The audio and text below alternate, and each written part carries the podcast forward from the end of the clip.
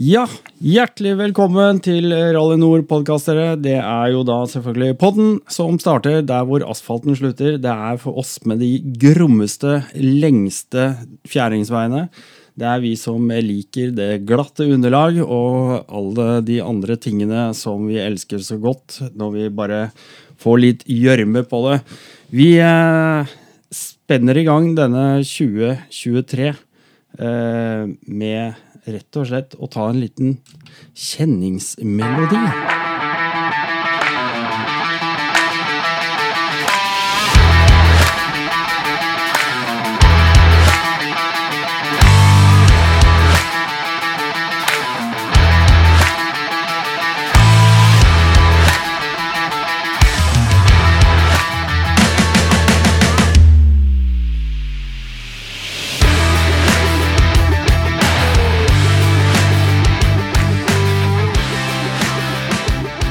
Som sagt, dere. Velkommen tilbake til Rallnord podkast.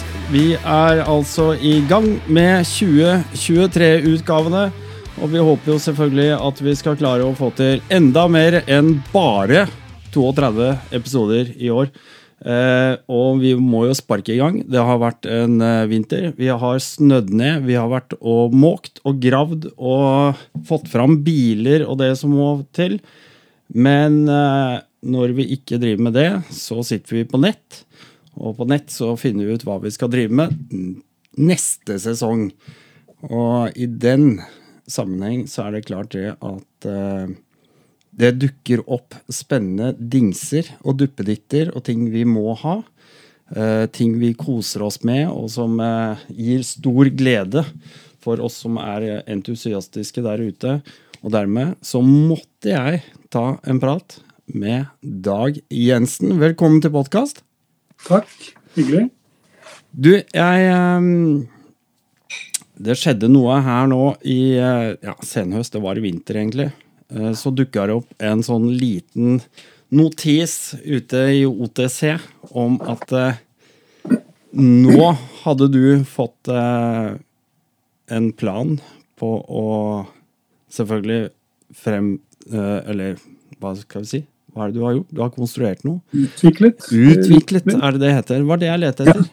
Ja. Men, men um, først og fremst, Dag Jensen. Hvem er Dag Jensen? Korte trekk.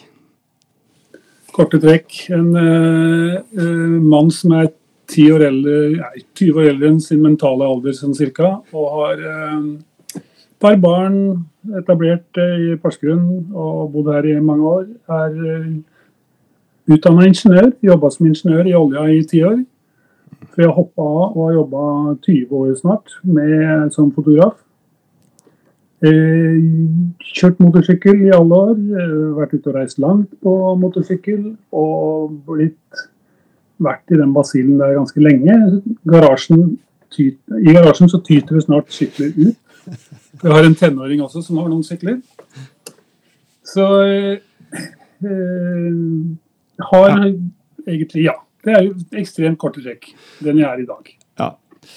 Uh, du um, Jeg, jeg uh, må jo si Du, du nevner jo sjøl, selv, selvfølgelig. Du er jo en motorsyklist. Uh, og litt spennende at du går altså fra oljebransjen og, og bytter det ut med å bli fotograf. Kan du ikke bare ta den Hvordan, hvordan skjedde den transition der, liksom? Den høres litt spesielt ut. Ja, altså jeg jobba i seismikkbransjen, så jeg tilbrakte oppi en måned av gangen på skip. og jeg var så lei at svigerinna mi, som er illustratør, laga en tegneserie som het 'Dag på jobben'. så, som du ser, eh, en lang mann som sitter og skaller i benken og, og har det fælt. Og så skulle jeg bli Og så hadde jeg Vi, vi, vi reiste et år på motorsykkel og leverte artikler for eh, MC-avisa i et helt år. Og da leverte vi bilder og artikler, og så hadde jeg da en liten sånn en drøm om at jeg kanskje kunne gjøre det til noe mer, da. Mm. Eh, og Så jeg jobba med det ved siden av når jeg var hjemme. Og så ble jeg pappa i 2004, og da tenkte jeg at jeg skal ikke være fire, fem, seks uker borte av gangen. Ehm, det var liksom det siste kicket jeg fikk for å så hadde jeg Jeg gikk inn i en sånn veldig god periode fordi at eh, på begynnelsen av 2000-tallet så sleit veldig mange fotografer med overgangen til digitalt. Ja. Uh, og jeg kom inn digitalt. Jeg hadde lært meg det med alle den dødtida jeg hadde på jobben. Uh, så jeg kom Jeg fikk et veldig sånn pangstart i bransjen. og det gikk ikke mer enn et år, så var jeg ute og reiste i hele verden i, med Hydro i, eh, i lang tid. Og, eh, og fotograferte på, på, stedene de holdt til. Mm. Så jeg fikk en, fikk en pangstart. Og jobber mye med Hadde allerede begynt å jobbe med teaterfoto. Som er da liksom en av nisjene mine. Da. Så jeg jobber jo mye med teaterfoto i Oslo, på Det Norske Teatret og, og i Grenland. Mm. Så det var ja. Det var jo en periode som jeg da selvfølgelig Kona mi eh, sa opp jobben og begynte med noe spennende. Og sammen starta vi restaurant eh, sammen med noen andre. Og jeg etablerte meg som fotograf. Og vi bygde på huset, og vi ble foreldre. Så det, det, skjedde i løpet av, Alt dette skjedde i løpet av to år ca. Det er en travel periode, ser det som. Ja, det verste er at det kjennes jo like travelt nå, selv om det er mye mindre, mye mindre ekspansivt. da. Ja, ja. Så jeg vet ikke hva det er, men det er noe med når du først setter i gang med noe, så, så kan du alt, liksom. Jo, men hvis du har litt sånn der, Jeg tror det at hvis du er veldig sånn kreativ, så, så er det sånn ofte jeg kan, jeg kan bare våkne om natta, så har jeg en idé, og da sovner jeg ikke igjen. Ikke ja, da må jeg bare stå opp, og så må jeg bare begynne med den ideen. Uh, ja, jeg kjenner den følelsen ja. der. Og, um, og, dette her prosjektet her, det som jeg begynte å pense meg inn på for uh, ja, Det er vel sikkert fem år siden. Jeg skal, jeg skal lage en liten uh, video eller noe av alle de modellene jeg har. Fra den første fjernkontrollen, mm. som var laga på en aluminiumsprofil med knapper bora igjennom, til der vi er i dag. For det, er, det, det har vært et hobbyprosjekt som som har gått veldig inn i, eh, i, programmeringsbakgrunnen min, som ikke er veldig dyp. Jeg er ikke noe veldig dyp programmerer, men jeg gjorde en del programmering. Jeg likte det veldig godt. Og dette her har fått meg tilbake inn i det som en hobby. Og det er definitivt en våkne om natta-hobby. Jeg tror vi skal komme tilbake til det i dag, men uh, aller først må jeg høre litt om deg som motorsyklist. Jeg regner med, ikke med at du begynte å kjøre motorsykkel også i 2004? Eh, Nei. Det skjedde litt før? Jeg kjøpte en eh, GS 750, eh, Suzuki GS 750 1978-modell i 1988-89 ca. Da begynte det. Og så kjørte jeg den en stund, og så kjørte jeg en Katana. En Svært gammel 1100 kubikk. Ja. Japansk klassiker. og så skulle vi i 98 så dro vi til Spania og ble i Spania et halvt år. Og da kjøpte jeg meg da hadde jeg, Det var en eller annen som hadde sagt til meg, for jeg leita etter hva slags sykkel jeg skulle ha. Mm. Så sier han hva med sånn der Africa Twin, eh, eller noe lignende det?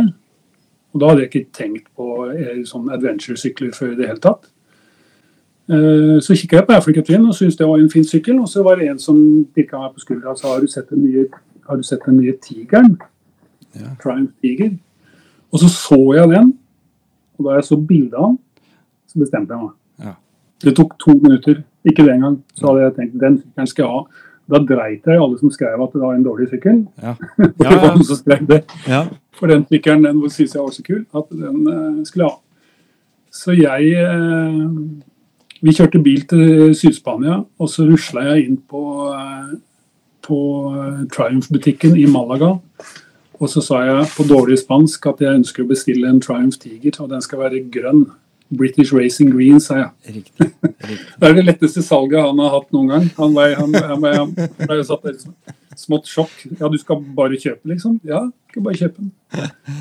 Så kjøpt, kjøpte jeg den, og så kjørte vi rundt i Spania i et halvt år. Eh, og skrev faktisk litt for det medlemsbladet til NMCU ah. om den turen, da. Og der begynte da drømmen liksom om å gjøre noe større. og sånn, og, Som vi etter hvert gjorde. da. Vi kjørte jo året etterpå, så dro vi jo Vi var først en langtur i Norge, og så Så jeg har en veldig morsom historie om hvordan vi endte opp med å reise på, på motorsykkel gratis i ett år. Ja. Nord- og Sør-Amerika. ja. Skal jeg fortelle den? Ja, hvis det er, eh, hvis det er den riktige Er det, er det i, etter at du kjøper den uh, Tigeren i Spania, liksom? Ja. Ja. Det er det. Da har vi uh, kommet oss hjem igjen, og så har jeg begynt å drømme. Først jeg, drømte jeg om å kjøre gjennom USA, og så tenkte jeg Mexico, det høres jo kult ut. Og etter hvert så begynte jeg å drømme lenger og lenger. Jeg leste Helge Pedersen sin bok Ja. 'Ti år på to hjul'. Jeg leste Ted Simons 'Jupiter's Travels'. Og eh, det bare klødde i meg. Jeg husker veldig godt, veldig gode minner fra hengekøya der vi, der vi bodde, som jeg lå og leste disse bøkene og drømte.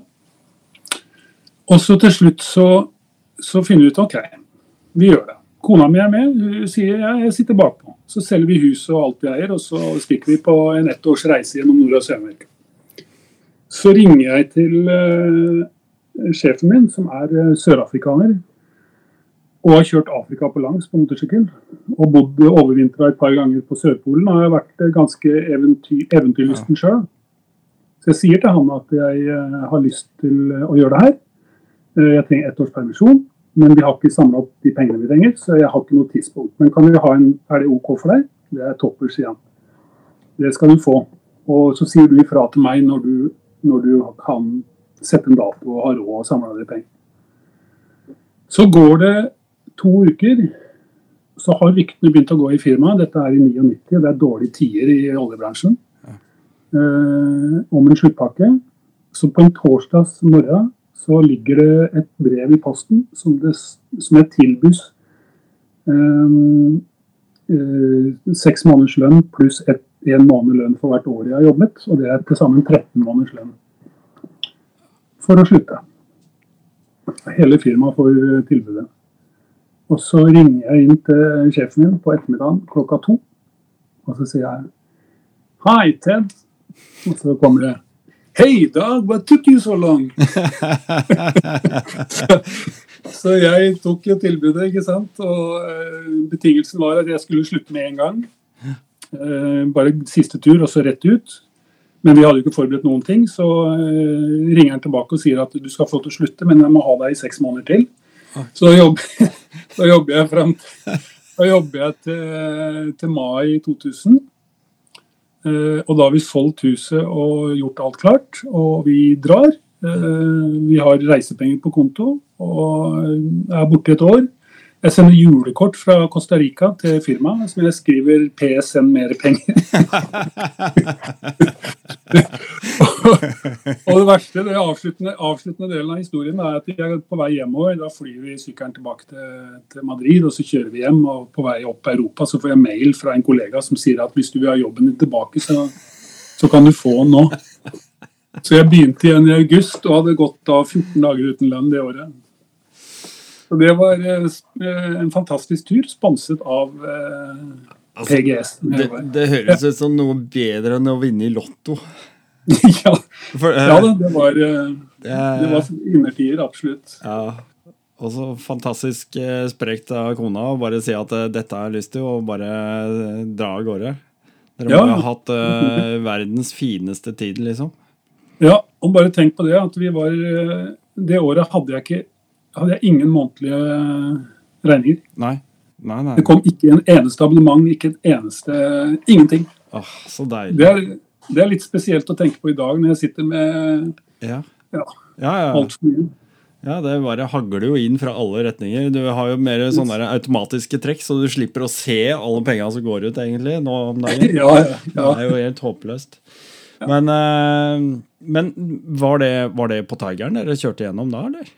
Det var på Tigeren. Ja, ja. Og eh, mot eh, masse anbefalinger. Da, for du kan ikke kjøre Du må jo kjøpe en velprøvd eh, Africa Twin eller noe sånt. Men nei, jeg ville gjøre det på min sykkel. Jeg ga blaffen. Det var den jeg ville kjøre. Mm.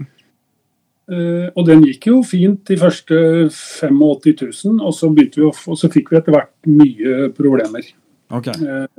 Vi hadde masse, vi hadde jo motorfester som brakk, og vi hadde ja, vi hadde eh, ventiler som ble veldig fort utslitt, og vi, Mm. måtte, eh, ja, vi måtte gjøre mye store jobber på den underveis.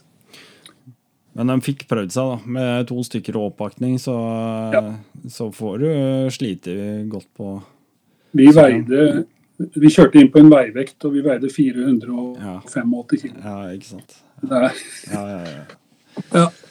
Nei, sånn er det. Ehm, men i den perioden skrev du for eh, MC-avisa, var det så?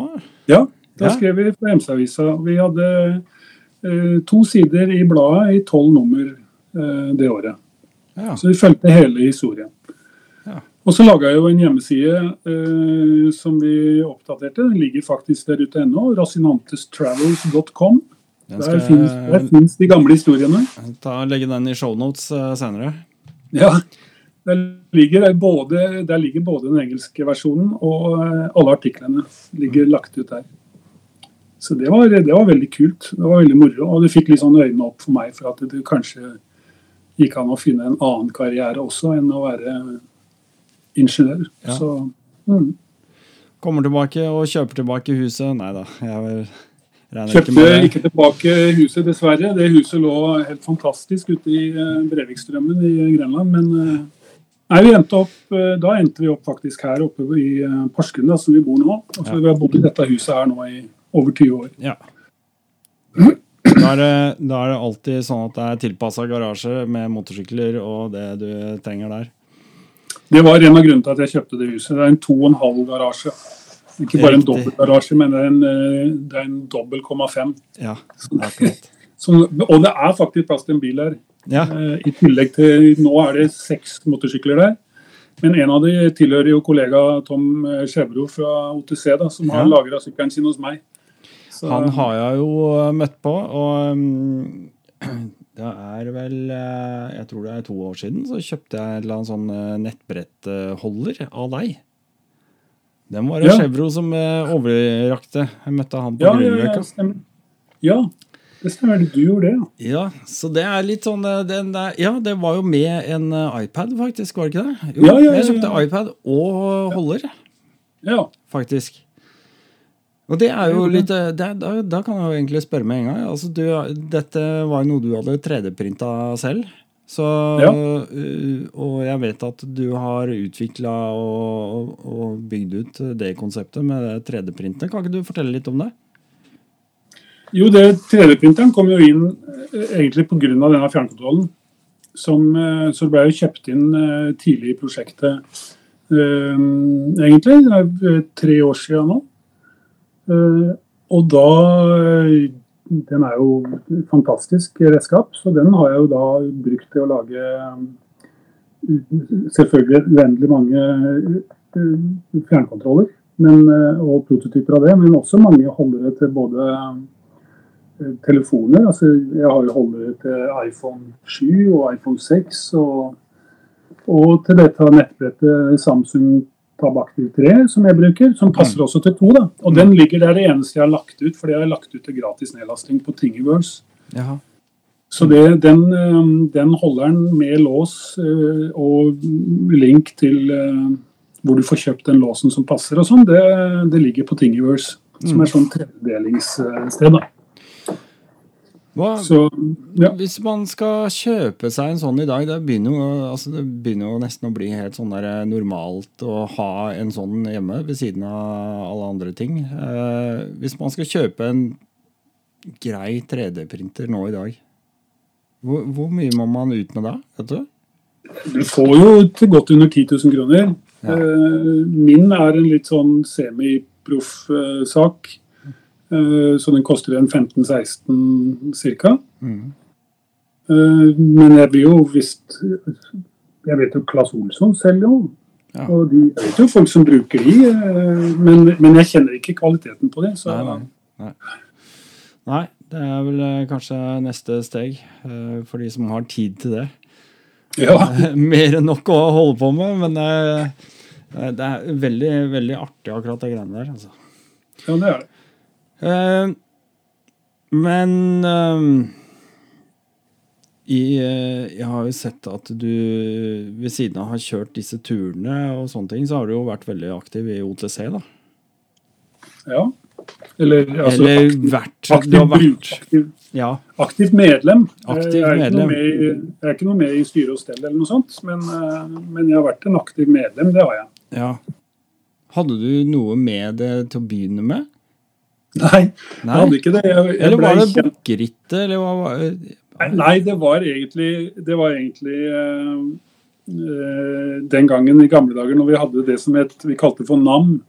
Altså No Alt Motorsykler, som var i sånn Usenet diskusjonsforum for motorsykler. Et av de morsomste eh, foruma som jeg har vært borti noen gang. Uh, der eh, dette, Nå snakker vi om i sånn 97 ca. Ja. Og der eh, ble jeg kjent med sånn som Tom da, og, og flere av de andre som er, sitter sentralt og satt sentralt i OTC. Så de starta den klubben, og jeg kunne ikke Jeg husker veldig godt at jeg kunne ikke på det første treffet. Da hadde jeg jo kjøpt Tigeren og tatt den hjem til Norge.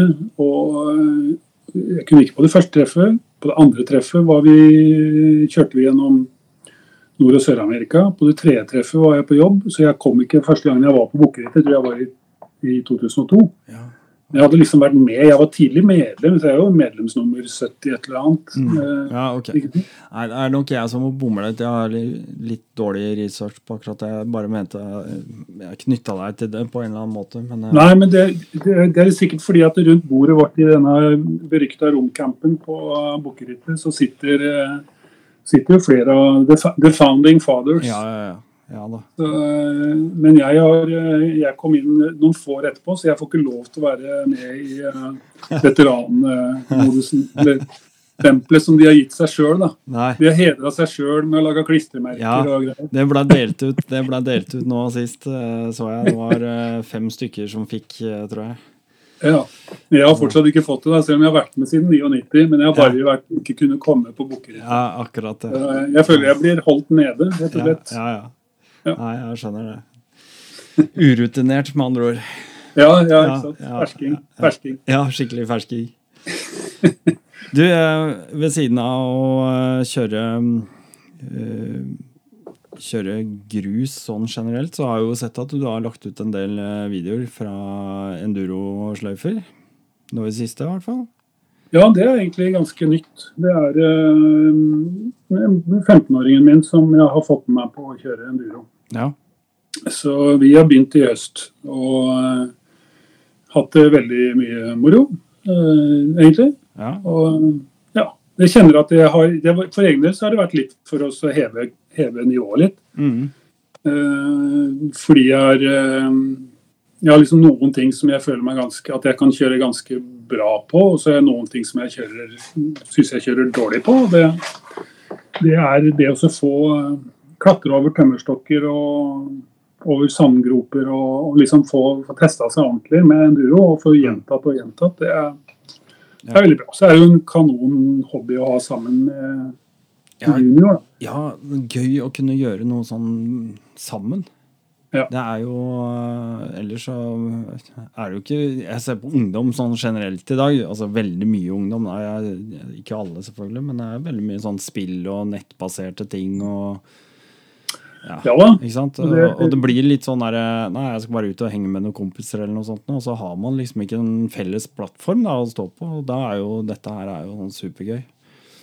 Ja, det er, det er veldig moro. Er, eh, så han har jo øh, Han skal jo ta lappen nå i vår, så han har jo en 125 med skilt. Og han har nå en 250 endurosykkel. Mm. Og i tillegg oppe på Vi har jo en gård oppe i øh, et litt småbruk oppe i Vinje i Telemark. Og der har vi stående en 100 kubikk, en sånn liten en. Og det er eh, gjestesykkelen blitt, da. Når han har med seg kompiser som ikke har kjørt så mye, så får de den en veldig kul sykkel å starte på. Det er stilig.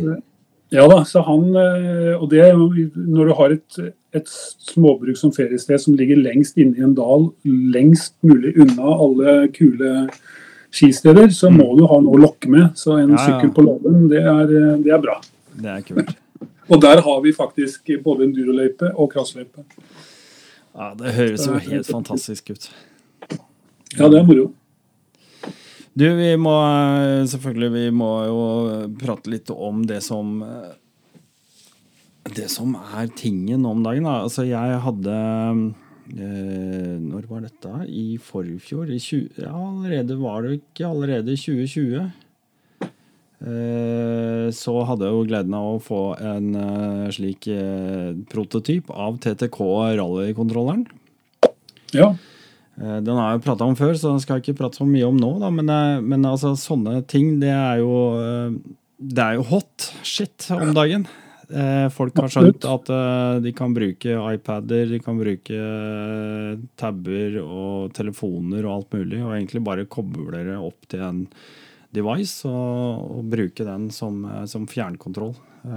Både til navigering generelt, og rollbook ikke minst, som begynner å øke i popularitet. Det også må vi jo Mm. prate mer om. Eh, og da, når du kommer da med en uh, ny versjon, så må du fortelle litt om den, da. ja. Hva er det som skjer? Hva er det som skjer? Romotech Nei, Remotech, mener jeg. Unnskyld. Remotech er firmanavnet, da, og foreløpig navn på fjernkontrollen er Remotech One. Rett og slett. Okay. Den første. Ah. I, i eh, det som forhåpentligvis kan bli en serie, da. Men nå, nå lager vi eh, jo, altså, det, det er, altså Jeg har hatt en på styret i flere år. Mm. Uh, og et par kompiser har kjørt rundt med, med prototyper, og de har vært basert på det som de fleste For det er en del som holder på, sånn som jeg har holdt på på, på gutterommet eller på, i kjelleren, med å lage 3D-printa fjernkontroller basert på sånne kretskort som du får kjøpt fra Adafruit og sånt. Mm. Som, eh, eh, som funker bra og, og har vært eh, et kjemperedskap. Men eh, jeg har jo lenge vurdert om jeg skulle satse på dette kommersielt. Men jeg har tenkt at å satse på det kommersielt og lage det på den måten, Mm. Altså 3D-printe og lodde knapper og sånn, det er, eh, er mye arbeid og lite, lite inntekt, rett og slett. Ja. Så det vi prøver på nå, det er jo Dette skal masseproduseres av et, eh, av et firma, eh, et norsk firma. Og det er, altså jeg har, etter hvert så har jeg knytta meg til Etter hvert som jeg fikk støtte, da. Mm. Innovasjon Norge ble etter hvert veldig begeistra, og de har gitt maks av det de kan gi i støtte til prosjektet. Ja, da må vi ta dette. Det kommer jo ikke av seg selv. Altså, det må vi jo det, det må vi jo slå fast. Og da tenker jeg liksom sånn Du begynner antageligvis for en tre år siden. Da snakker du om at du kjøp, kjøpte deg en 3D-printer osv. fordi at du hadde en idé om å prøve å lage dette her. Lage din egen kontroll. Eh, Hvordan begynner man altså hvordan begynner man med det? Altså, du har jo en ingeniørbakgrunn, jeg skjønner jo det. og da ja, da tar vi rett og slett bare en eh, kort pause for å eh, selvfølgelig reklamere litt for eh, Rall Nord podkast, som vanlig. Hvis du ikke har vurdert å bli Patreon-endra, så oppfordrer jeg deg sterkt til å bli det. Det skal lønne seg å være Patreon av Rall Nord podkast, og det skal være så mange ting jeg ønsker å gi tilbake. Skal vi begynne med RMP-treffet på Stange? Det kommer. Eh, du får en egen eksklusiv eh, podkast. Eh, du får de første nyhetene først, og ligger langt foran skjema. Du får de uredigerte versjonene, som er litt sånn pluss content, både før og etter opptak. Du skal få et klistremerke i posten, selvfølgelig og alle disse tingene her. Men eh, det viktigste av alt, det er jo selvfølgelig at du er med og støtter podkasten, for det koster mye penger å drifte dette her, og plattformene skal betales, og alt skal være på plass. Det er hardware, software, bla, bla, bla, bla. Akkurat som eh, Greta Thunberg liker å si det, bla, bla, bla, bla, bla.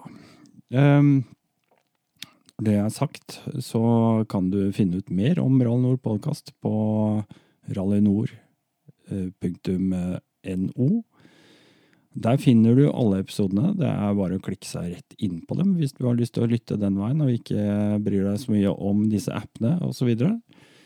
Det ligger en eh, kalender der som jeg prøver å oppdatere så mye jeg kan. Da er jeg avhengig av deg som eh, lytter. At eh, kanskje du ser noe som mangler i den kalenderen. Det er altså en, en kalender hvor det står litt om uh, treff, events osv.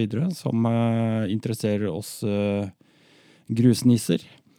Så ta en titt innom der også, og gi beskjed, da, for all del, hvis det er noe som mangler. Det er ting jeg prøver å skaffe for dere, selvfølgelig. men all denne tiden jeg bruker, timer på timer på timer, det er ulønna arbeid, mer eller mindre. Så vær så snill, vurder å bli en patron. Eh, du finner selvfølgelig linker både til nettsiden og til patron nede i shownotes. Nede under der hvor du hører på den podkasten. Um, og så, ikke minst, må jeg si at uh, de som er å komme på MC-messa på Lillestrøm, de finner meg. Jeg skal være med uh, Twinpex på uh, og Kai Ingvald Flatland. Uh, der skal jeg bli stående, og jeg kommer uh, nok til å ha med meg uh, litt utstyr. Så hvis du har noe på hjertet, har lyst til å slå av en prat eller noen ting i den duren, så er det bare å stikke bortom. det blir veldig hyggelig å hilse på dere. Så gjør noe for all del det. Men nå skal vi sette videre til Remotek. Dag Jensen, dere morsomt, det skal jeg si. Jeg, det begynner med at jeg så en bitte liten mini eh, game-kontroller ja. på eh, AliExpress. Okay. Og den så ut som den kunne brukes. Den hadde en liten joystick og et par knapper. Og den hadde mulighet for å veksle bruk av, eh, av knappene. og hadde kunne ha forskjellig funksjonalitet. Så jeg bestilte tre sånne. Kosta 60 kroner stykket. Eller noe sånt plugga den på, eh, stroppa den på styret og satte den opp sånn at jeg kunne gjøre visse ting. da. Jeg kunne zoome og gjøre litt sånn småting på skjermen. Kjørte på tur, og så gikk den i stykker på første turen fordi eh, jeg måtte ha konstant lading på den med en mikro-USB-kabel, og den rista jo i stykker. Og, og loddingene gikk da inni. Så, så fikk jeg hjelp av en Arduino. Arduino-programmeringen er jo, eller programmet er jo det vi har brukt for å foreløpig for å programmere innholdet på kontrollen. Og jeg kjente en som var veldig god på det, og han uh, fikk jeg til å plukke denne fra hverandre og se om vi kunne finne ut av hvordan vi kunne uh, gjøre en enkel versjon av den. Og så uh, endte det opp med at jeg fant ut at du får jo sånne kretskort som har inngang og utgang. og, og og det du trenger. Så jeg kjøpte det. Kjøpte ledninger, jeg kjøpte knapper og begynte å bore, sette knapper i en sånn aluminiumsprofil som jeg teipa på styret omtrent. Så den, det har jeg bilde av, og den ser helt Det, det var en eller annen som kommenterte Det så ut som en sånn hjelpemiddelsentral eh, produkt. og så eh, Derfra så har det sakte, men sikkert gått inn til Jeg brukte aluminiumklosser som jeg bora utrolig, mm. og laga en veldig solide kontroller i i aluminium. Eh, og så egentlig så har jeg da kjørt med kontroller på styret i fire år, i hvert fall. Eh, men det har liksom da bare vært fordi at det er en sånn engangsprodukt. ikke sant? Det tar jo tar meg tre dager å lage én. Det, mm, mm. det, er jo vanskelig å få noe, å gjøre noe mer enn til noe eget. da. Men så, for tre år siden, så tenkte jeg vi skulle prøve første gang vi prøvde å kommersialisere. Da fikk jeg, da fikk jeg det som kalles for Jeg gikk til Innovasjon Norge da òg. Og fikk det de kaller for et, um, et markedsavklaringstilskudd. Da. Og der Poenget er å finne ut om det har en plass i markedet, dette produktet. Mm. Eh, og Da var jeg på workshops med diverse um, firmaer som driver innenfor gründerbransjen og sånn. Leverte en sluttrapport som var OK. og så så gikk det litt eh, Jeg la det litt til side, fordi at jeg så at det neste steg da det ville være ganske stort. Da måtte jeg, følte at jeg måtte satse veldig mye. Mm. For å ta det liksom fra kjøkkenbenken og ut i noe større. Så det gikk et par år, og så eh, jeg er litt usikker på hva som gjorde at jeg fikk ny driv i, eh, i våren, våren 2022.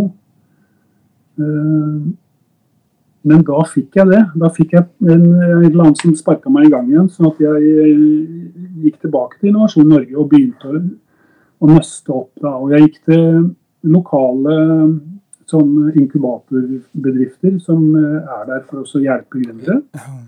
Der fikk jeg hjelp, og vi begynte å reise rundt og besøke bedrifter og høre om hvem som kunne være med å utvikle det, og fant egentlig veldig lite, for det er såpass sært. Men så til slutt så fant jeg en fordi, fordi jeg tenkte da, altså Jeg kunne lage denne hobbymodulen, Mm. men jeg trengte noe som kunne virkelig utvikle et eget kretskort. Jeg trengte noe som kunne uh, utvikle en app. Du må ha en Ja. app som skal oppdatere firmware og settings.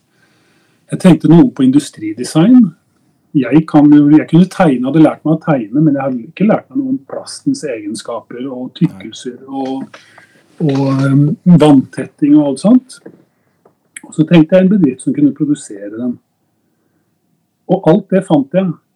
Først fant jeg den ene, så fant jeg den ene den andre, så den andre den tredje. Og så til slutt så jeg, har jeg da knytta til meg fire bedrifter.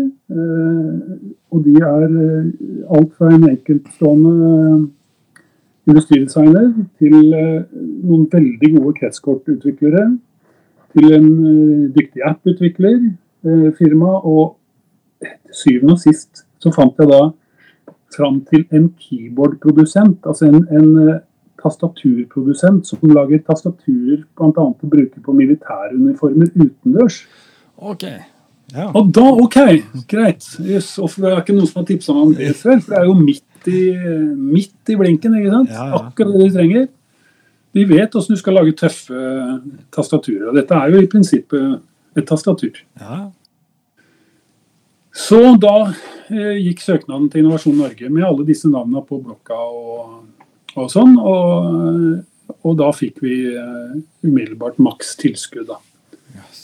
Eh, så, så dette er jo nå et eh, kommersialiseringsprosjekt mer enn et utviklingsprosjekt. Fordi det er egentlig på mange måter utvikla Mm. i, bruker, altså i, i, i brukerform. da. Ja. Så det er egentlig bare snakk om å få det over til noe som kan kommersialiseres. Og det vil altså si at vi kan masseprodusere det Mm. eh, med en enkel måte. Dette her skal bli så masseproduserbart at det egentlig er bare å si Ja. gi meg så og så mange. ja, jeg skal ha 500 stykker på mandag, liksom. Ja. Ja, omtrent. Det er, det, er, eh, det er i hvert fall drømmen. Mm. ja, ja. Så har det vært mye leiting etter de rette korta og rette chipene, fordi at eh, det har vært litt mangel på chipper i verden. Ja, Åssen er det nå om dagen? Nei, nå, den, den vi bruker, den er ikke mangel på. Nei. Og så kan vi bruke i hvert fall én til hvis det skulle bli mangel. Mm. Uten store omlegginger av kretskortet. Så øh, vi er Det er veldig bra Det er veldig bra modus nå. Vi ligger Jeg har antyda lansering i uh, mai. Jeg håper liksom å ta denne sesongen. Da, komme tidlig i denne sesongen. Mm.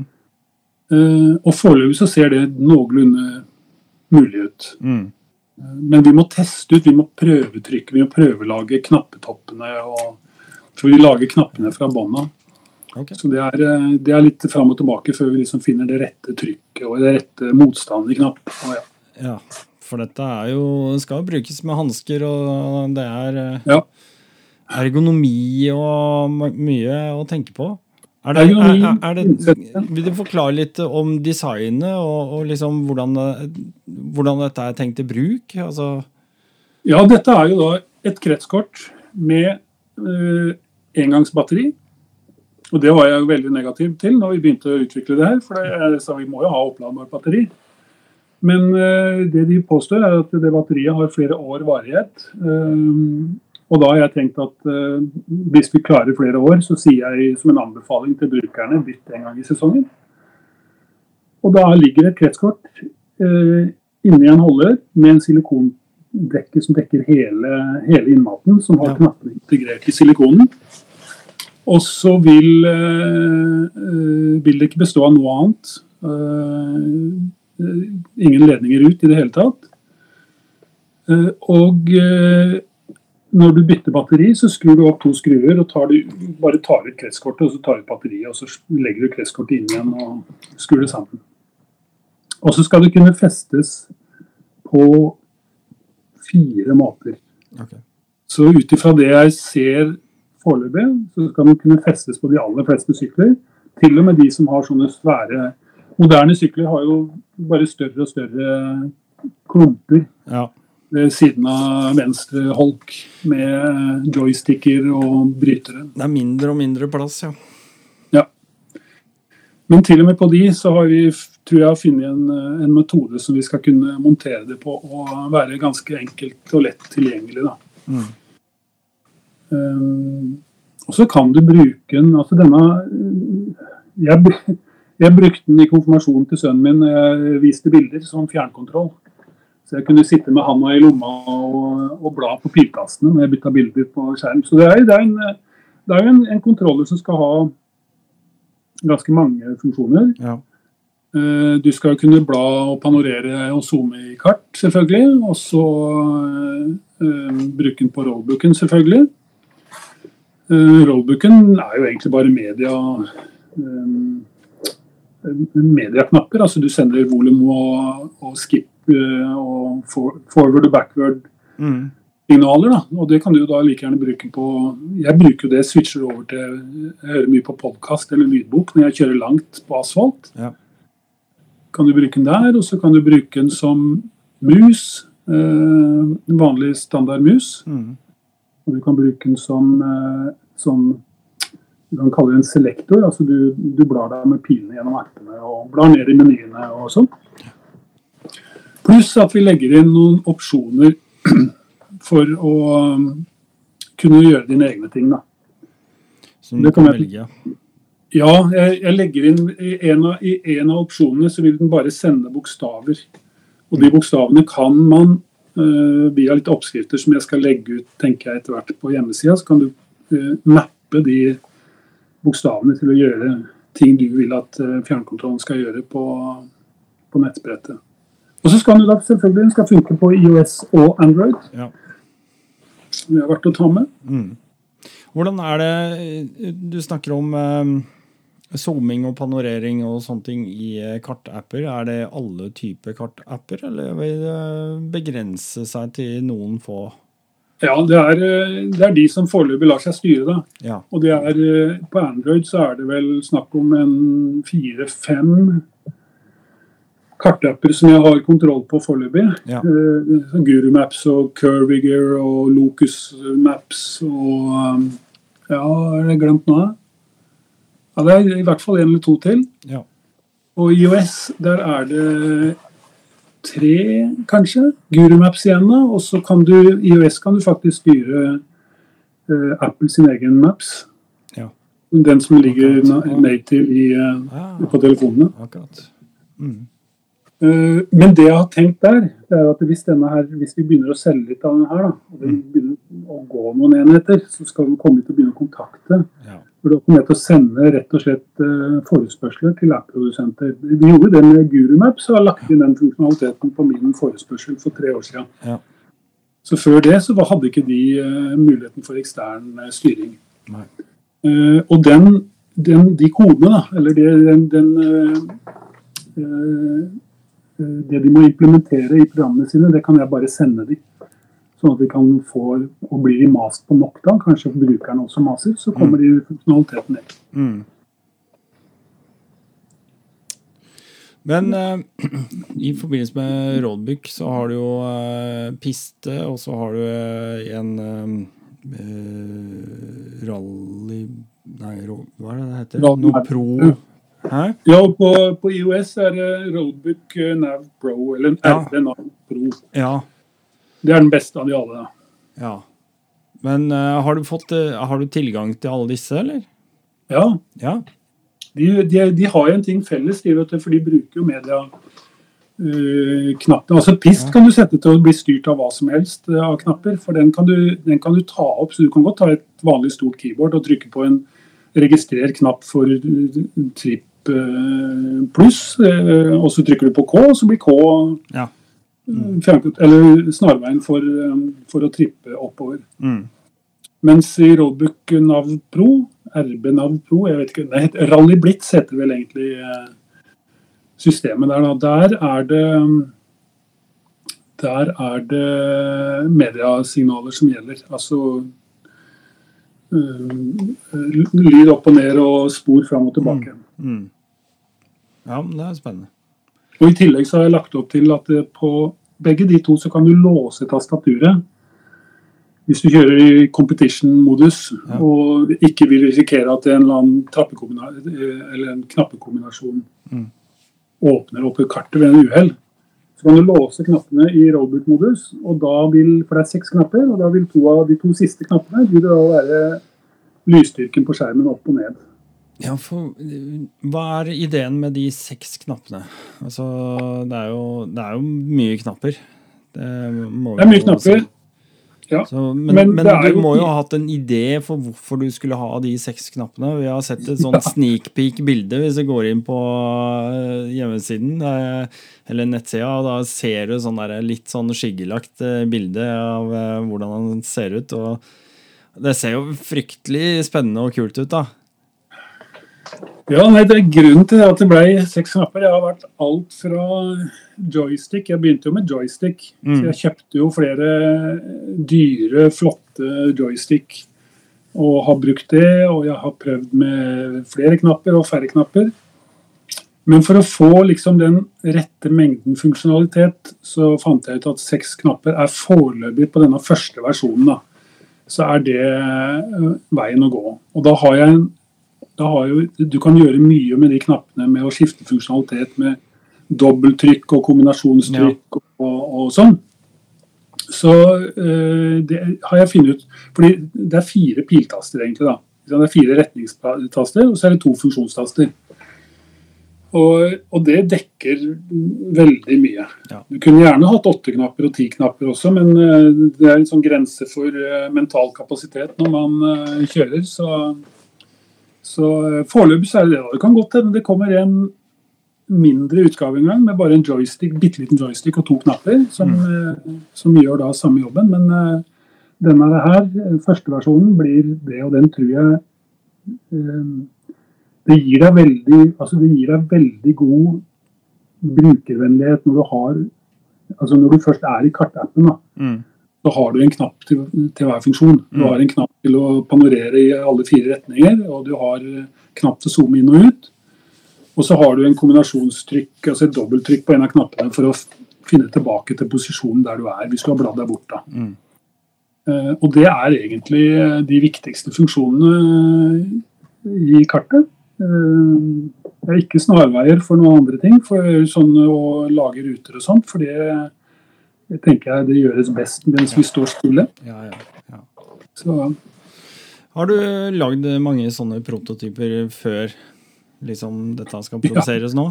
Altså, ja, ja, ja, og, og, og, liksom, jeg tenker på sånn, eh, Har du liksom en sånn uh, liten krets rundt deg? Og, kan ikke du ta med den her? Altså, prøver du den i helga? Hvordan har liksom tilbakemeldinger og sånn vært? Jeg, jeg, regner med at noen har ja da, vi har, eh, vi har, prøvd de, og vi skal fortsette å prøve de før vi lanserer. Mm. Eh, tilbakemeldingene har vært gode. Ja. Mm, og jeg har liksom hatt to, eh, spesielt to prøvegutter. og Den ene er eh, selverklært digital dum. Så ja. han, eh, han, vil, Og det er veldig fint å prøve den ut på, for han vil bare ha noe som gjør akkurat det han vil. Og det har ja. vært enten å bla i kart eller å bla i rollbook. Ja. Og ingenting annet. Uh, og, så vi har jobba med det, at denne her Det må være intuitivt? Ja, det må være intuitivt. Og så skal det alltid, selv om den er kompleks, fordi at det er mange nivåer du kan gå inn i denne frankbollen og få ny funksjonalitet. men ja for den som ikke vil det, så skal han slippe å bli forstyrra av de mulighetene. For det, det er, da skal du trykke en helt spesielle ting for å, for å gå videre. Mm, mm. Og etter hvert, og så er det alltid en, en escape-mulighet. altså Gå tilbake til scratch med å, en eller annen kombinasjon, så du er helt sikker. hvis du har Resette ting og, ja. og sånt. Ja. Mm.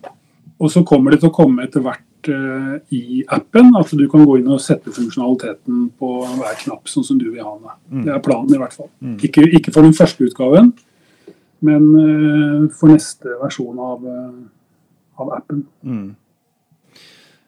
Ja, akkurat. Men, men materialvalget i selve huset og sånn, er det gjort noe Ja, det har, det har, jeg overlatt til min eh, industridesigner å bestemme. Og det blir, eh, det blir et eller annet glassfiberaktig blanding. Ja. Eh, og han, altså han, kan sitte ved siden av meg og si at med 1,5 mm over 3 mm så får du få 42,8 pascal trykk hvis du, hvis du, bøyer den med 1 mm på begge sider. Altså det, er, det, er, det er en kunnskap som er som er bare way beyond me. Mm.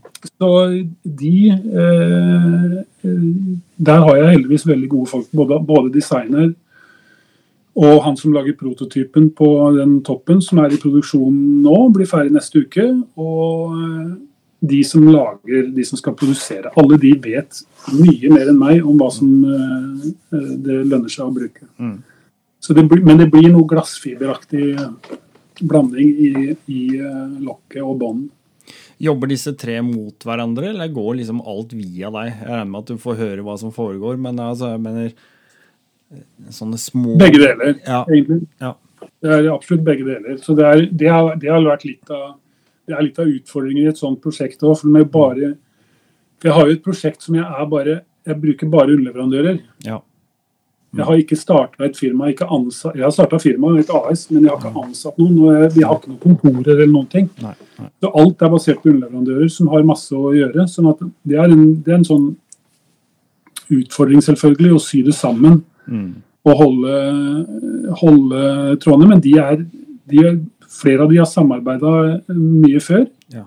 Så de kjenner hverandre. For det er pga. den enes anbefaling som førte til at jeg brukte han designeren, f.eks. Selvfølgelig. Han har vi jobba mye med før.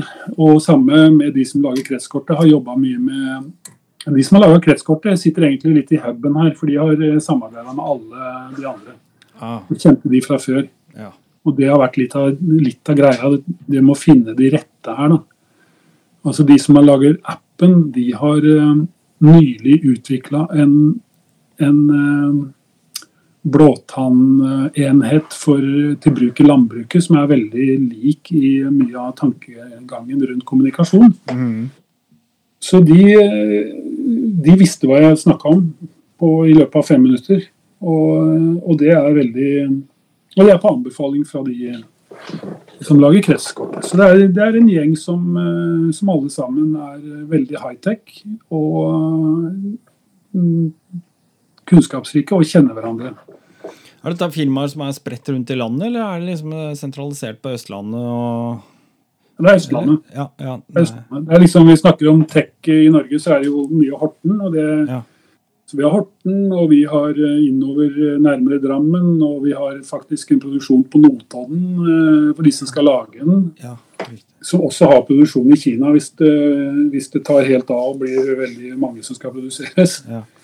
Eh, også en, en, designer i Tønsberg og mm. Men, ja, meg i Porsgrunn. Ja. Men uh, allting blir montert uh, sammen et eller annet sted? Altså Noen leverer ditt, og andre leverer datt, og så blir det Ja, det blir, det blir produsert Hele produksjonen kommer til å gå via det ene firmaet som skal produsere ja. som fabrikk på Notodden. Mm. De kommer til å bestille uh, og få underleverandører til å levere kretskort. Ja når det er ferdigutvikla. Så de tar egentlig ansvar for hele produksjonen. Ja, og, så jeg får en eske mm. med eh, fjernkontrollen oppi. Mm. Og så får jeg en eske med tilbehøret. For det kan vi også snakke litt om. Altså hva, hva som skal leveres i tillegg til selve kontrollen. Ja. Fordi den skal jo festes på eh, flere måter, så det må jo være flere typer innfeste. Riktig. For å være mest mulig fleksibel. Mm. Og så tenker jeg også en utvida versjon. Vi har kontakt inne på, lagt opp en kontakt for et bryter eh, til. Så du kan ha en toggle switch under, eh, under kontrollene dine. Okay. Kjører du rally, så, så, er det bruk Jeg liker veldig godt toggle switch. De er ja. litt mer sårbare fysisk, men ja. uh, å ha en toggle switch på tommelen mm. som er lett tilgjengelig for å bla i rollbooken eller uh, zoome i kartet, det er veldig fint. Ja. Så det blir nok antageligvis en, en litt sånn extended version. da, Så du får eh, kjøpt litt tilleggsutstyr. Mm. Og Der har vi også lagt opp til at vi kan koble på ekstern strøm hvis vi eh, føler at noen absolutt vil ha det. Så går det an å gjøre. Ja, Da begynner det å høres ganske avansert ut. Ja, og det er, eh, det er jo sånn i Utviklingen er avansert. Mm. Når vi kommer til produksjon, så er det jo helt sykt hva de gjør. Altså de, de prototypene med kretskort som de har fått, de blir jo levert fra Kina på én uke. Og de har antageligvis aldri vært i nærheten av menneskehender. Nei, nei. Og antageligvis har ikke ordrebehandlinga heller vært i nærheten av mennesker.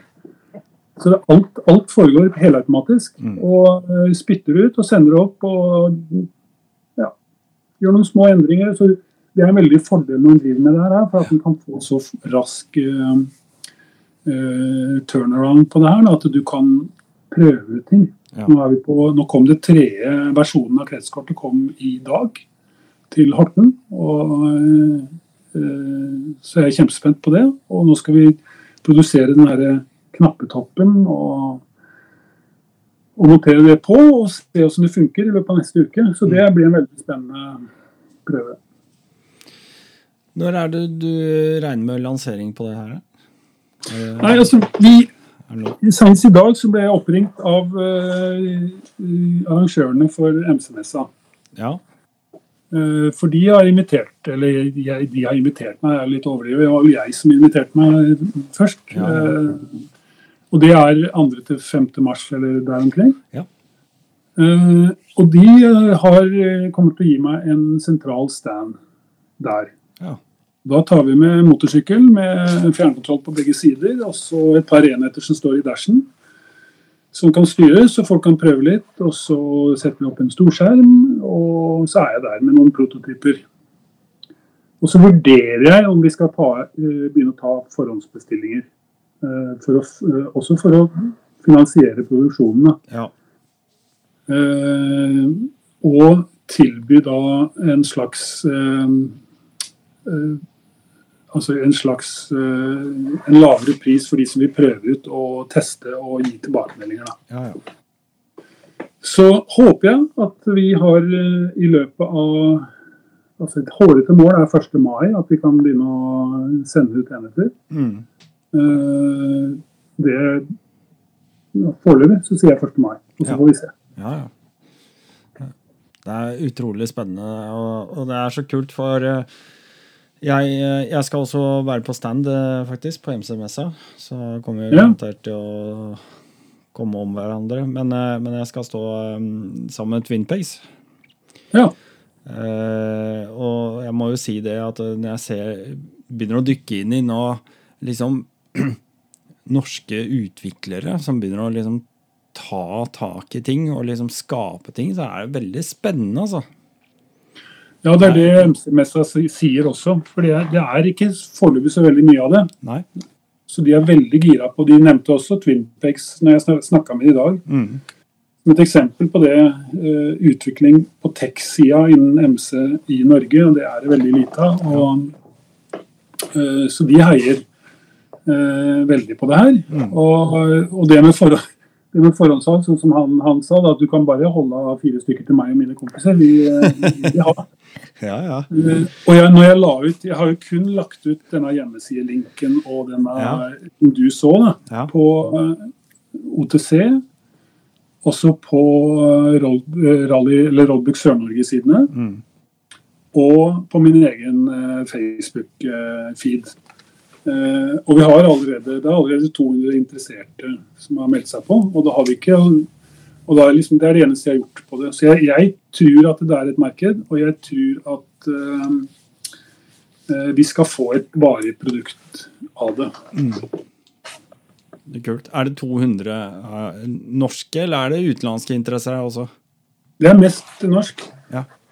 For jeg har ikke lagt det jeg, altså Hvis du tenker på OTC er et uh, forum med 3500 medlemmer eller noe sånt. Mm. Uh, tett, altså bare hvordan det her, Den interessen for det adventure- og rallysegmentet har jo eksplodert i de Ja. siste årene. Ja. Tett-gruppa på Facebook er på 110 000 medlemmer. Så det er klart, og Der, der finnes det en veldig god fjernkontroll, Uh, eh, som, men som kun virker på Android og kun virker innafor Ja. Et eget system. Ja. Så det fins lite av eh, den type universale kontrollere. Ja, det Så er jeg ikke så mange valg. Nei, jeg tror markedet er der øh, hvis en kan produsere en. Og vi jeg håper jo å holde prisen under 2000 kroner. Uh, det er det, jo veldig bra, da. Ja, jeg håper og tror at vi skal gjøre det. Og, for jeg, tror, jeg, jeg, har litt trua på at vi har uh, Altså, du har jo oss nerder. Jeg hadde betalt 3000 kroner for en sånn en sjøl, hvis jeg hadde mm. uh, kommet over det og ikke hadde hatt noe sjøl. Så nerdene blant oss, altså vi, vi ivrigste, vi, noe, vi, har ikke noe problem med å betale litt penger. Men jeg tror at det er veldig mange som kan se på dette som et nyttig, kjekt å ha. Redskap. Som, eh, som vi, så jeg tror vi, du når et mye større marked da, hvis vi klarer å holde prisen nede. Mm. Og måten vi produserer den på, så eh, er det mye som tyder på at vi skal få til det. altså.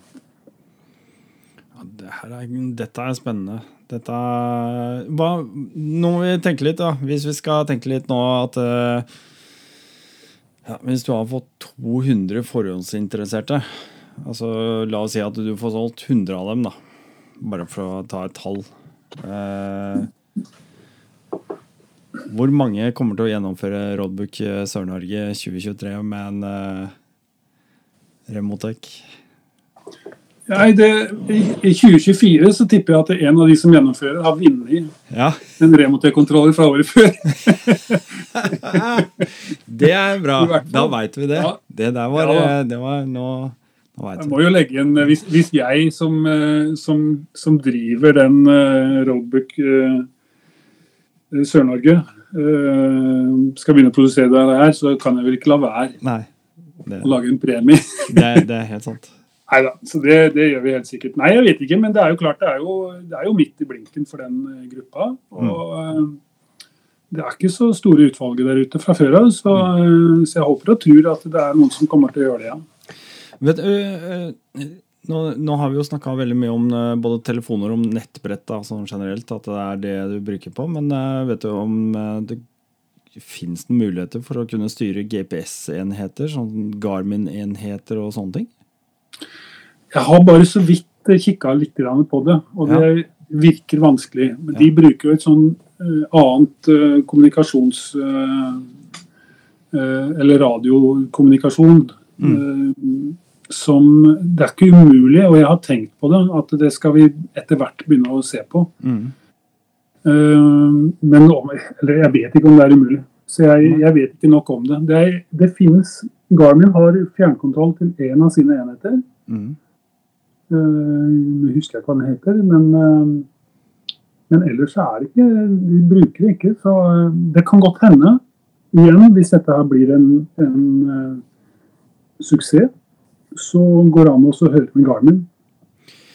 Fordi... Bare snakke med Garmin og spørre dem. Hvorfor skulle ikke dere kunne, kunne la denne her få tilgang til deres systemer? Men det er, det er veldig det er å drømme litt stort, da, selvfølgelig.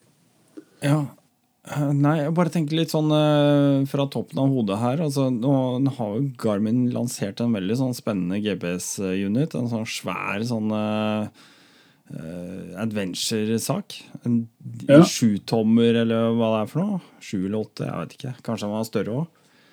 Eh, som har utvida muligheter for veldig mye, har jeg skjønt. da. Men uh, på et eller annet vis, hvis du skal se ned, ned i spåkula, så tenker jeg liksom at uh, hvis Garmin skal fortsette å ekspandere uh, muligheter med sine enheter, så må de liksom tillate på et eller annet tidspunkt at folk bruker det f.eks. til rådbruk også? da? Ja, det er, det er, jo ikke noen grunn til at ikke de skulle gjøre det. For de er jo de er litt, de er, de er litt sidrumpa. Ja. Fordi de har jo tapt seg veldig på Altså, jeg gidder ikke kjøre med Garmin på styret når jeg kan kjøre med en en, um, en Samsung, Samsung Active 3 som har god nok skjerm til å brukes i sollys, og som har absolutt alle andre ja. muligheter, i tillegg til, til litt kart. Um, så de må gjøre noe, men de er jo best på enhetene. Mm. Det er jo ingen som lager så bra og solide uh, saker som Garmin, så jeg, er overraska over at ikke de for lengst har kommet med noe som uh, som kan uh, Rett og slett De har vel prøvd seg med én sånn Android-aktig sak, mener jeg. Men ja. det burde vi gjøre mer av. Ja, Absolutt. Og da kan det være aktuelt, da, hvis de først, hvis de først lager en Android-enhet, Ja, da er vi jo der. så er vi jo der. Hvis den kan kobles opp mot blåtann og sånn. Og da burde det absolutt være mulighet til å koble og connecte en fjernkontroll til den. da. Mm. Men det er eh, Det er ikke nå. Det er ikke i vår. Men når jeg følger med. ja, når vi først er der og snakker om framtida til sånne leverandører som det er, når tror du eh, at eh, Apple vil komme med en eh, iPad Mini Rugged? Nei det, nei, det tror jeg ikke de gjør. Det hadde vært kult. Ja, det hadde vært kult. Men jeg tror ikke For de er, de er, eh, de er gode, Apple. Men de lager jo eh, ja, noen få enheter Ja. som de lager veldig bra. Mm. Jeg eh, kjøpte meg akkurat den nye iPad 11 Pro. og er helt fantastisk dingser de lager, rett og slett. Jeg er veldig veldig imponert. Jeg skulle gjerne ha montert den i eh, dashen, jeg. med Aldri sett maken til lysstyrke på skjermen, f.eks. i noen enhet før. Så, sånn at de, og de er jo robuste, da. Altså, jeg er ikke noe redd for å sette en iPad i dashen, men, men du må ha en boks rundt, for de er jo ikke vanntette. Nei, det er akkurat det. Det er akkurat det. Mens den Samsungen, den har jeg jo hatt med Det har regna som det har vært Ja. hele dager med sprutende regn, og ladekabelen har stått i med bitte litt silikon rundt Mm. Og klemt litt fast. Mm. Så, har, eh, så har den stått i, og det er eh, et imponerende stykke eh, hardware. Hvordan har skjermen reagert på regnvær? Skjermen på treeren, altså toeren, er dårlig på regnvær. Okay. Men versjonen, den treeren er helt fabelaktig. Ser du det? Den bryr seg ikke. Åh, sånn må jeg ha. Ja, Du må kjøpe deg en sånn en. Ja, ja. Det, er, det er en helt annen verden enn en Aktiv 2. Det var grunnen til at jeg kasta inn håndkle på Roadbook Sør-Norge i år. vet du. Å ja.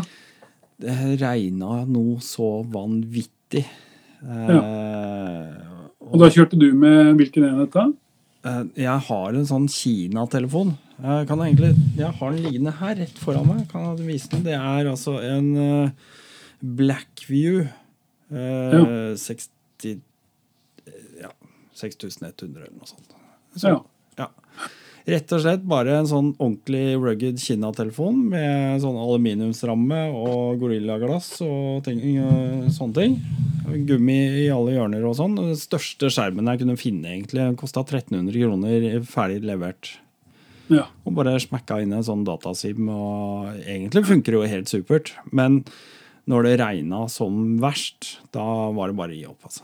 Jeg husker Det var jeg ingen, for det, det er noen innstillinger på Samsungen som du kan gå inn og si eh, Ja, ok. Jeg husker ikke akkurat hvordan det er, som Ja. gjør at den blir mindre Følsom. Den, den forstår hva regn er, rett og slett. ja, vel. Er helt magisk Ja. eh, i forhold til eh, den Tab Active 2. Så det er jo en, en 5000 kroner eller noe sånt for en, eh, en fantastisk eh, enhet, egentlig. Nå begynner den jo å bli litt tilårskommen, til og med. For nå, så det skulle ikke forundre meg om det kommer en, eh, en firer, og da er treeren Da Ramler kommer det liten du. Nei, jeg tror jeg må se på en sånn etter hvert. Eh, Det var ganske frustrerende. Altså, det ble, ikke bare det, men jeg, på grunn av regnet så ble jeg kasta ut av rollbooken.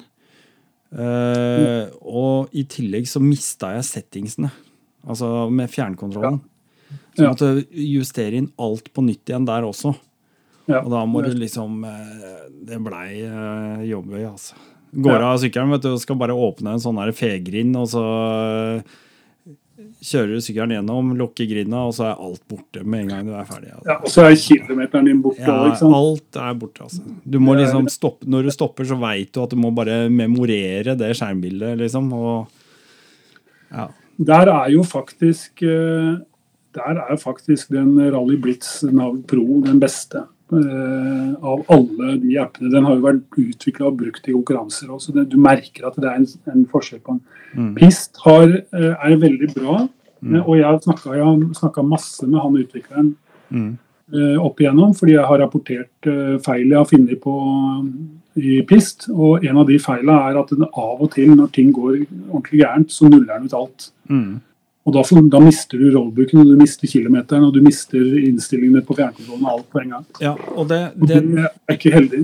Jeg vet ikke om det er eh, om det er helt riktig, da, men jeg, jeg fikk en jeg, eh, jeg har en teori for de som faller ut av piste rollbook innimellom i settings. Teorien min går ut på at hvis enheten din er kobla til strøm, og du skrur av tenninga, så blafrer skjermbildet litt, sånn kort periode, ikke sant? fordi at han mister strøm og går over på batteritilførsel. Og der samtidig så mister du eh, faktisk de settingsene.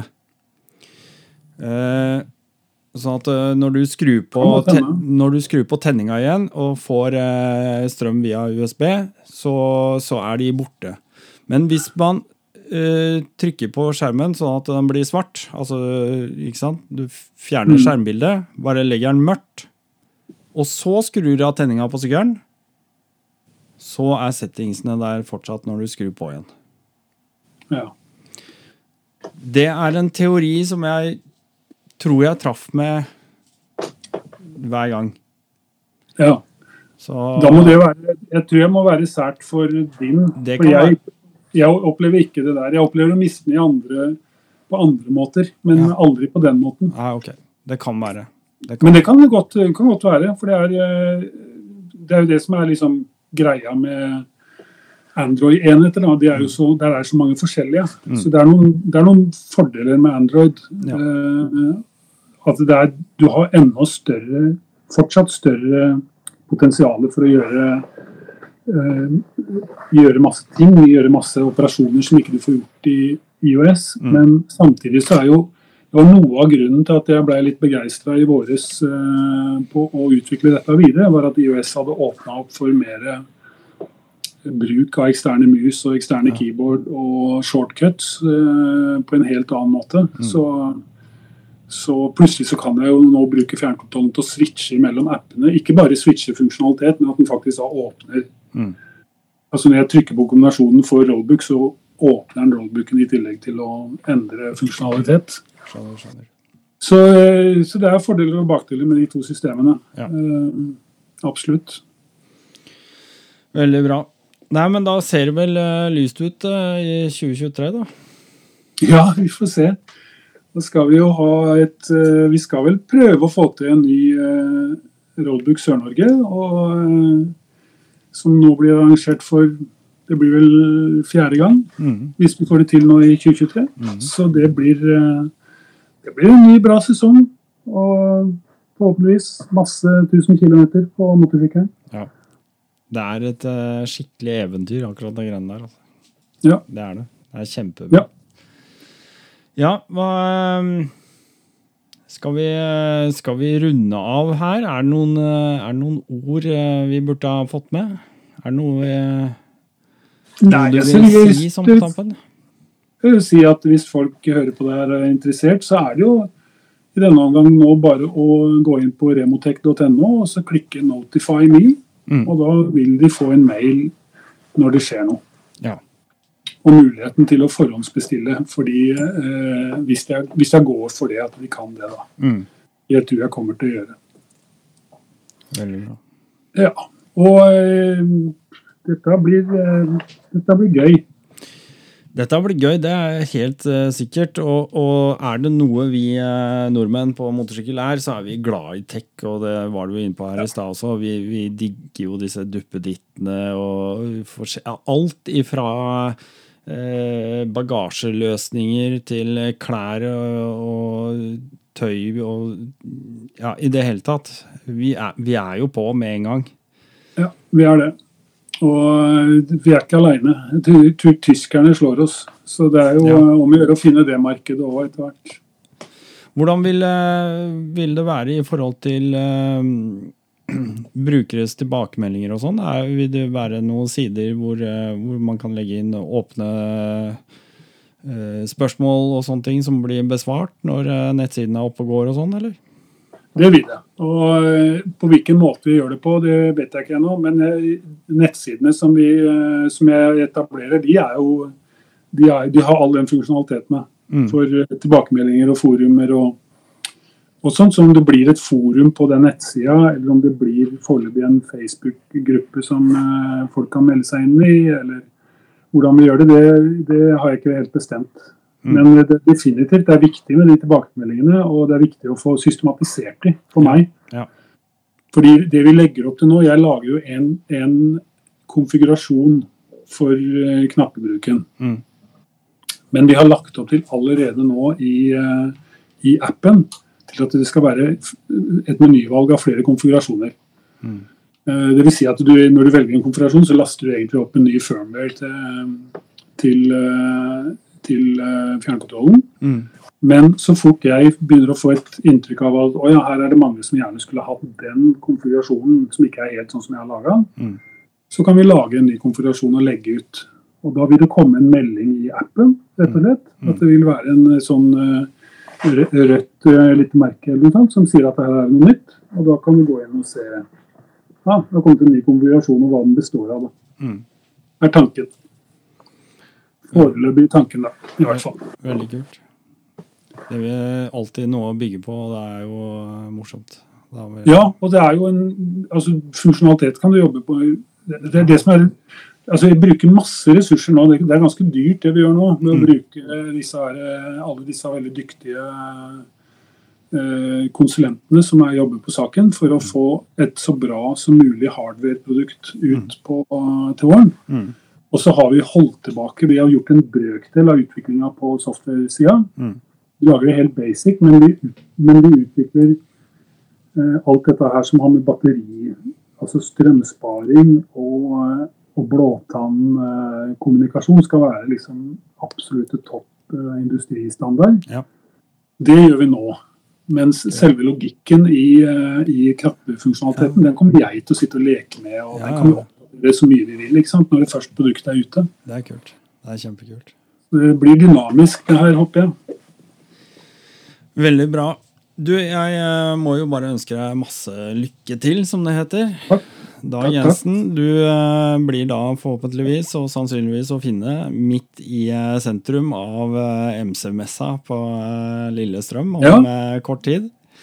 Ja, det er ikke lenge til heller. Vi må oppfordre alle om å stikke bortom og si at eh, jeg har ikke bare hørt om deg på OTC, de har også hørt om deg nå i Rally Nord podkast. Takk for at du tok deg tid til å være med her. Ja, takk. Bare hyggelig. Moro, det her. Så, Vi- eh, så ses vi på messa. Vi kommer helt sikkert til å ses på messa. Og for deg som lytter, eller eventuelt nå ser på dette her, det skal jeg prøve å få på YouTube, på kanalen min der sånn. Husk det, dette her er jo sånn der et standard YouTube-greie. Det er tomler opp og følg og klikk og alt dette her. Jeg orker ikke å si det engang. Dere veit hva dere skal gjøre.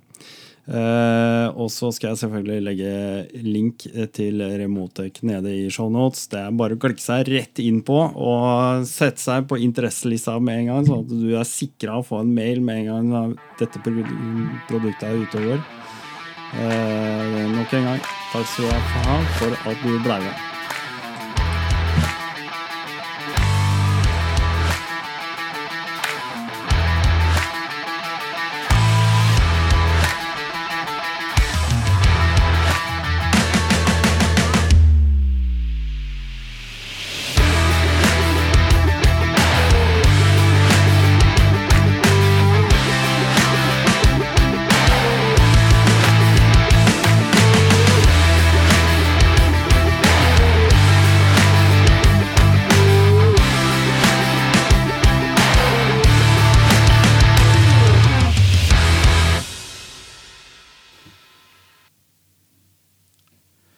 Hei, det er Geir Uklestad i Offroad Touringklubb.